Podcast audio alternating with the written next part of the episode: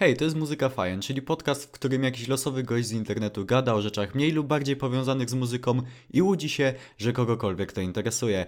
Dzisiaj mamy newsy m.in. od Machine Gun Kelly'ego, Syndromu Paryskiego czy kolektywu Ojo, a także pogadankę na temat festiwalu Vans World Tour. Oczywiście nie mamy czasu do stracenia, więc lecimy z newsami. Machine Gun Kelly wydał nowy utwór z Kellinem Queenem. Co za piękny powrót do 2013, kiedy MGK wystąpił na trzeciej płycie Sleeping with Sirens na utworze Alone.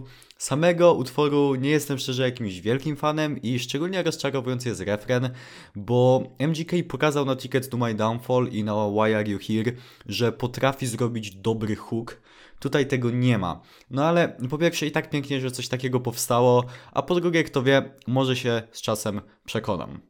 Mamy też kolejną świetną kolaborację z tego świata. Stand Atlantic i Nothing Nowhere wydali właśnie wspólny kawałek i to jest dokładnie to, czego ta scena potrzebuje w tym momencie. Jedne z dwóch najgorętszych i co ważne nowych aktów kolaborują ze sobą i robią naprawdę dobry kawałek, który umiejętnie łączy style zarówno Stand Atlantic, jak i Nothing Nowhere, czyli pop-punk z emo-rapem. Piękna sprawa. Zapomniałem dodać, że utwór nazywa się Death Wish, jest świetny, lećcie słuchać. Bertów wydał trzeci singiel ze swojej nadchodzącej płyty. Nazywa się Hell of It i jest zdecydowanie najcięższym ze wszystkich singli, które do tej pory wydali. I choć na pewno nie osiągnie takiego sukcesu jak The Past is Dead czy Devastation, no bo najpewniej nie będą próbowali tego forsować do radia. I zajebiście, bo nie muszą. Caleb Promo zrobił sobie ciężki banger, który absolutnie uwielbiam i na to czekałem, kiedy zapowiadał najcięższy Bertów od lat. Kolektyw Ojo, czyli wspólny projekt trzech polskich raperów Okiego, Young, Igiego i O Co Chodzi, wypuścili czwarty utwór ze swojej nadchodzącej płyty. Nazywa się Worki w tłum i zapamiętajcie moje słowa, kiedy to coś wiedzie na koncercie, to chowajcie dzieci, bo w picie będą martwe ciała. Dwuminutowy, totalny banger, który zapewne zawita też u mnie na niejednej imprezie. Niesamowicie się jaram na ten album. Like Moths to Flames wydali dwa b-sidy ze swojej ostatniej płyty No Eternity in Gold.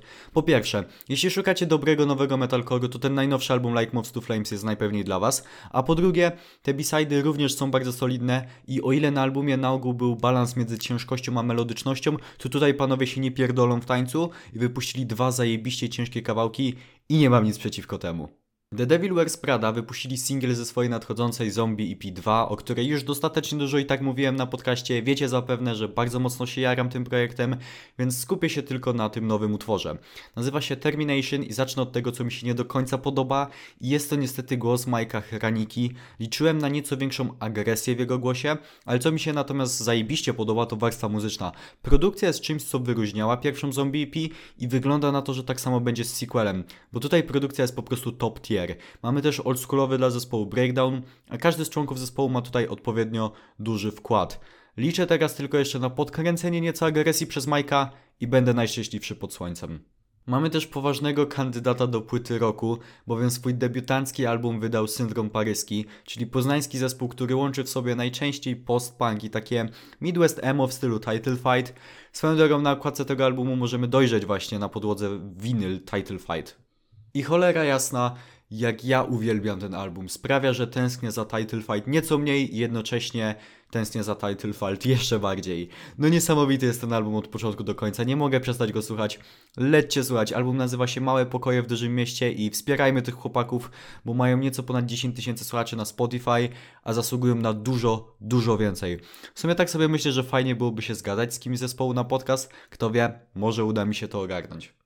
To tyle z newsów na dzisiaj, teraz pora na część pogadankową i wymyśliłem sobie, że dzisiaj pogadam sobie o najwspanialszym festiwalu w historii ludzkości, czyli o Vans Warp Tour. Jeśli nie wiesz czym jest Vans Warp Tour, a raczej czym było Vans Warp Tour, to już spieszę z wyjaśnieniami. Był to festiwal założony w 1995 roku przez Kevina Limana, który zbierał generalnie w swoim line-upie zespoły alternatywę ze sceny punkowej, metalowej. Później Trochę się to też pozmieniało, było kilka e, wyjątków, czy to ze świata popu, czy to ze świata roku, ale generalnie była to muzyka alternatywna. I ten festiwal każdego lata objeżdżał właściwie całe Stany Zjednoczone. Największe sukcesy festiwalu przypadają jednak na XXI wiek, a konkretnie na połowę pierwszej oraz połowę drugiej dekady obecnego wieku. Udało mi się znaleźć bardzo ciekawą rzecz, bowiem w 2004 roku, właśnie na Vans Warp Tour, zespół Taking Back Sunday e, zarabiał średnio mm, 20, między 20 a 30 tysięcy dolarów każdego dnia, bo generalnie Warp Tour był codziennie, to był bardzo intensywny tour i właśnie każdego dnia w każdym kolejnym mieście zarabiali między 20 a 30 tysięcy dolarów z samego stoiska z merchem. Natomiast My Chemical Romance rok później ustaliło rekord sprzedaży merchu ym, jednego dnia, bowiem zarobili 60 tysięcy dolarów z koszulek, y, z plakatów, ogólnie z merchu podczas tylko jednego dnia. Więc y, o ile dobrze mi wiadomo, ten rekord zachował się do dzisiaj. Kolejnym niesamowitym czynnikiem, który czynił z Vans Warped tak wyjątkowe wydarzenie był fakt, że bardzo często ten festiwal dosłownie miał miejsce na jakimś, nie wiem, parkingu, kurwa, pod galerią handlową czy coś w tym stylu.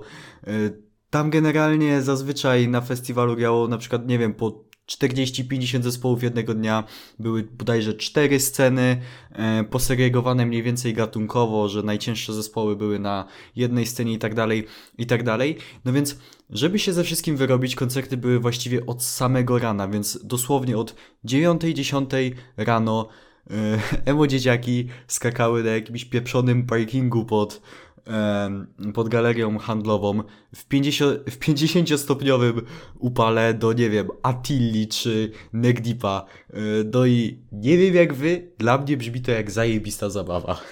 No właśnie, tak jak wspominałem też wcześniej, Vans World Tour było niesamowicie wyczerpującym turem również dla zespołów, no bo generalnie Ameryka w lecie potrafi osiągać dość spore temperatury i granie codziennie, dawanie z siebie wszystkiego, co jakby nie patrzeć, e, występowanie na scenie jest dużym wysiłkiem fizycznym, czy to dla wokalisty, czy to dla e, instrumentalistów. E, no ale mimo wszystko wszyscy to robili, bo dobrze wiedzieli, że Vans Warp Tour to jest dokładnie to miejsce, w którym ty jako alternatywny zespół chcesz się w lecie znaleźć, jeśli chcesz się dalej promować. No właśnie, a propos promocji, to Vans Warped Tour było właśnie idealnym narzędziem do generowania preorderów nadchodzących albumów, ponieważ dajmy na to, weźmy sobie na przykład Neck Deep i ich album z 2017 roku The Peace and the Panic.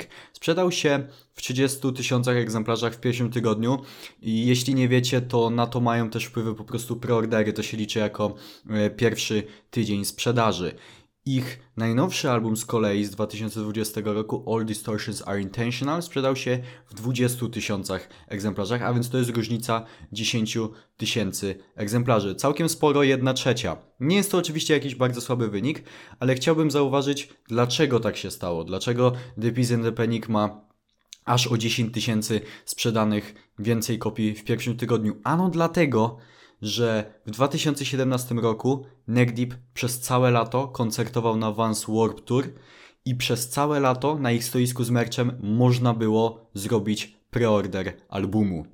I nie byli oczywiście jedynym zespołem, który tak robił. To było zajebiste posunięcie marketingowe. Mało tego, najlepsze posunięcie robiły zespoły wtedy, kiedy uruchamiały preordery po zajebiście dobrze przyjętym poprzednim albumie a kiedy jeszcze nie wypuścili ani jednego singla przed nowym albumem, bo nikt jeszcze nie był rozczarowany.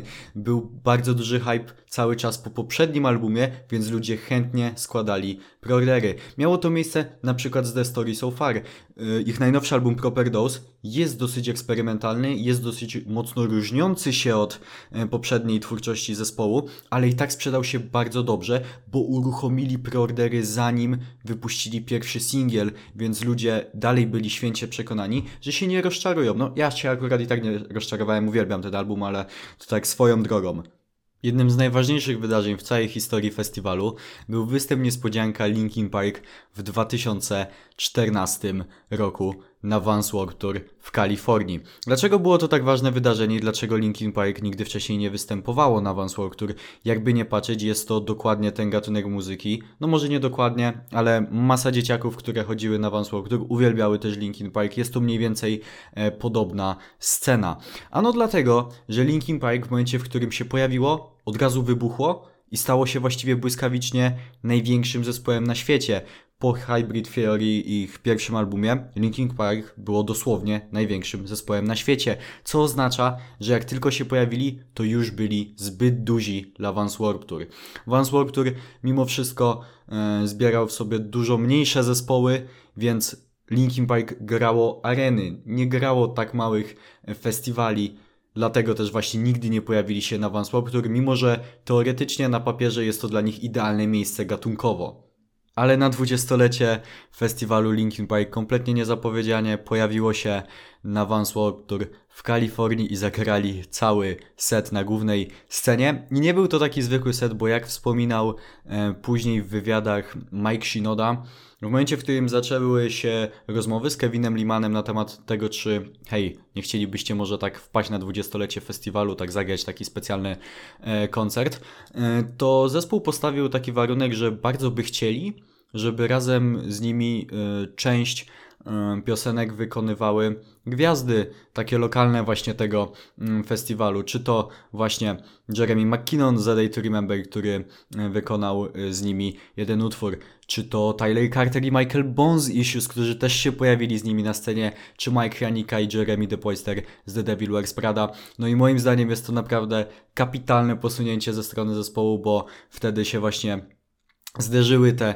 dwa światy, połączyły Linkin Park i takich stricte zespołów Vans Warp Tourowych. Oczywiście nie można też pominąć ciemnych stron festiwalu i myślę, że warto o nich mimo wszystko e, wspomnieć, żeby, żebyście mieli po prostu taką świadomość. E, przede wszystkim, tak jak wspominałem wcześniej o e, ogromnych upałach, jakie są oczywiście w większości e, miejsc w Ameryce w lecie, e, to festiwal w żaden sposób właściwie nie zapewniał wody ceny butelkowej wody były jakieś astronomiczne kompletnie, a warto też zauważyć, że jednak głównie na Vans Warped chodziły dzieciaki, nastolatki, bo to jednak to jest główny target e, zespołów ze sceny e, alternatywnej, emo, jakkolwiek chcecie e, to nazwać. Dlatego to był bardzo, moim zdaniem, słaby ruch ze strony, ze strony festiwalu. Oczywiście marketingowo i cenowo pewnie się to opłacało, no bo co miał zrobić taki dzieciak? No kupił tą wodę, bo już przecież ledwo stał na nogach w tym upale, więc tak czy siak ją kupił. No ale generalnie moralnie nie był to prawdopodobnie e, najlepszy możliwy ruch. Jak już jesteśmy jednak przy wodzie, to na Vans Warped Tour wydarzyła się jeszcze jedna rzecz e, związana z wodą, która moim zdaniem jest jeszcze bardziej mm, dyskusyjna moralnie. Mianowicie zespoły były zaopatrzone w Monster Tour Water, bo Monster generalnie był mm, sponsorem Warped Tour, E, i zaopatrywał zespoły w Tour Water. Czym było Tour Water? To była dosłownie zwykła woda, ale w puszce, jak po zwykłym e, monsterze energetyku. No i to Tour Water, tam był tylko taki malutki napis, że to jest woda, więc z daleka jak się patrzyło na tą puszkę, no to sobie ludzie myśleli, no zwykły monster.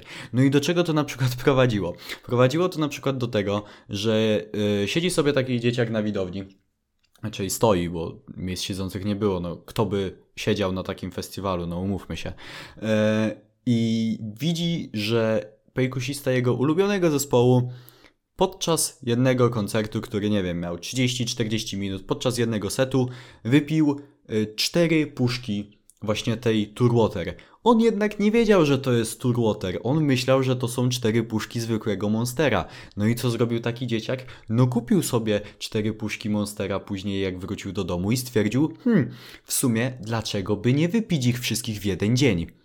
Festiwal, tak jak i pewnie nie on jeden, jak pewnie większość festiwali, ale to nie ma akurat żadnego znaczenia, e, był kompletnym fuckfestem i po latach teraz e, wychodzi wiele afer mm, z udziałem czy to członków zespołów, czy to fanów, wiele afer na tle seksualnym i jest to coś, co jak najbardziej trzeba bardzo poważnie traktować e, i bardzo poważnie trzeba o tym mówić i trzeba, mm, moim zdaniem, ja się poczuwam do takiej odpowiedzialności, żeby wspomnieć o tym, e, bo jest to coś, co no absolutnie nie powinno mieć miejsca, zwłaszcza, że tak jak mówiłem wcześniej, e, mimo wszystko zdecydowana większość targetu tego festiwalu to byli nastolatkowie. I czy wszyscy ludzie z zespołów to totalne creepy i potwory? Oczywiście, że nie, ale to nie ma żadnego znaczenia. Co ma znaczenie, to że chociaż w jednym na nie wiem 20 zespołów znalazł się taki creep, który postanowił się dopuścić czegoś takiego i to nie powinno mieć miejsca. Nieważne jeden na ile przypadków to po prostu w ogóle nie powinno mieć miejsca.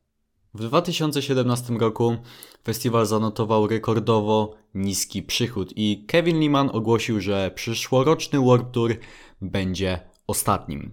I Kevin w sumie nie był tutaj jakkolwiek winny temu stanowi rzeczy, winna była sobie sama scena. Po pierwsze dlatego, że przestała ona produkować nowych artystów, nowe ciekawe zespoły, a Stara Gwardia albo odcięła się od sceny, albo niektóre zespoły po prostu się e, porozpadały i niektóre mam na myśli bardzo dużo się porozpadało, mm, a kilka po prostu się e, od tej sceny albo odcięło, tak jak mówiłem przed chwilą, przykładem jest chociażby The Devil Wears Prada, które nawet jak jeszcze Warp Tour istniał, to oni już w pewnym momencie przestali tam przyjeżdżać, bo chcieli już celować w nieco inny target, mm, albo po prostu część zespołów straciła swój blask i gdzieś się trochę zatraciła. A poza tym dużo osób tak po prostu wyrosło ze swojej sceny Sinkida. No i było to generalnie widać, że mniej więcej po tym 2014 roku już z roku na rok po prostu coraz, coraz mniej osób przychodziło na ten festiwal.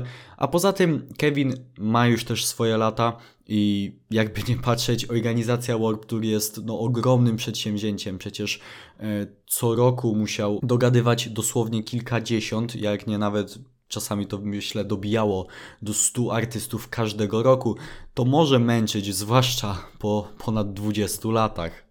No więc 2018 był rokiem ostatniego Warp Touru, jak na razie był jeszcze w 2019 taki specjalny na 25-lecie, ale ciężko to nazwać pełnoprawnym Warp Tourem, ponieważ on był tylko bodajże przez dwa weekendy, tak tylko żeby upamiętnić to 25-lecie festiwalu. Czy festiwal kiedykolwiek powróci? No, tak się składa, że jest na to szansa. Chris Fronzak, czyli wokalista Tilly, wspominał mm, ostatnio w wywiadach, że rozmawiał z Kevinem Limanem właśnie w 2017 roku, bo to jemu jako pierwszy Kevin Liman e, powiedział, że słuchaj stary, wydaje mi się, że w przyszłym roku zrobimy już ostatni World Tour. No działo się tak dlatego, że oni generalnie byli e, dobrymi znajomymi e, i Kevin też wiedział, że Chris Fronzak ma całkiem dobry web do interesów, e, cytując e, klasyka. No i generalnie jest to prawda, można wiele powiedzieć o Frązaku, e, jest delikatnie problematycznym czasami człowiekiem i jak najbardziej można mu wiele zarzucić, ale przyznać trzeba, że zna się na interesach i jest generalnie odpowiednią moim zdaniem osobą do wskrzeszenia World Tour. Widział to też sam Kevin i teraz Chris potwierdza, że jest coś na rzeczy. Jednakże, jak mówi sam Chris, ze względu prawnych World Tour nie może wrócić, o ile dobrze pamiętam, jeszcze przez dwa lata.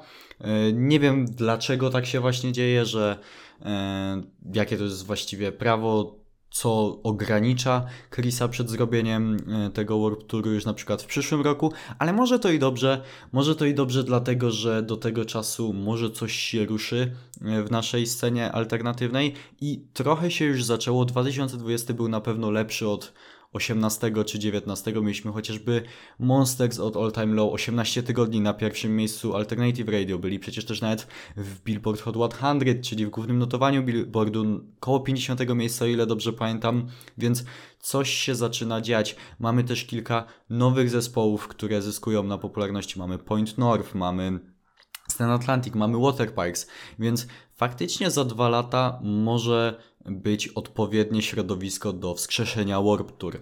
Frązak mówi też, że ma dużo pomysłów na to, jak urozmaicić, jak zrobić ten Warp Tour jeszcze ciekawszym niż był e, wcześniej i mimo wszystko wierzę w to, bo tak jak wspominałem wcześniej, Chris się zna generalnie na biznesie, a po drugie uwielbia Warp Tour. Attila grała tam właściwie tylko wtedy, kiedy, e, kiedy mogła, kiedy nadarzyła się taka okazja i wierzę, że Chrisowi zależy na tym, żeby tego nie spierdolić i żeby faktycznie to wskrzeszenie Warp Tour wyszło z klasą.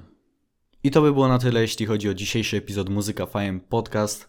Dzięki wielkie za wysłuchanie go do końca i na koniec standardowo kilka ogłoszeń parafialnych. Po pierwsze zapraszam na mój główny kanał na YouTube, nazywa się Eidetyczna Zupa. Robię tam dość podobne rzeczy jak na podcaście, czyli jakieś recenzje, wideo eseje, historie zespołów, tego typu rzeczy i trochę więcej też e, innych różnych rzeczy, więc jeśli lubicie podcast, to wydaje mi się, że e, może też się Wam całkiem spodobać content tam. Po drugie zapraszam na Discorda, e, gdzie można sobie pogadać ze mną, z innymi słuchaczami i będziecie na bieżąco z całą moją działalnością w internecie. Link do tego również oczywiście w opisie. I też zapraszam na Twitcha, gdzie sobie okazjonalnie streamuję i można sobie pogadać ze mną o muzyce, o grach, o czym tylko chcecie. Będzie mi bardzo miło, jeśli tam e, wpadniecie. No i jeśli słuchasz podcastu na YouTubie, a wolałbyś na e, Spotify, to muszę Cię e, uraczyć bardzo miłą informacją, ponieważ podcast jest dostępny na Spotify. E, no i do tego link znajduje się w opisie, jeśli słuchasz na YouTubie. No a jeśli słuchasz na Spotify, to zmarnowałem Ci właśnie 20 sekund życia. Przepraszam najmocniej. E, I to tyle, nie przedłużam już więcej. Dzięki raz jeszcze za wysłuchanie i do usłyszenia w następnym epizodzie. Hej!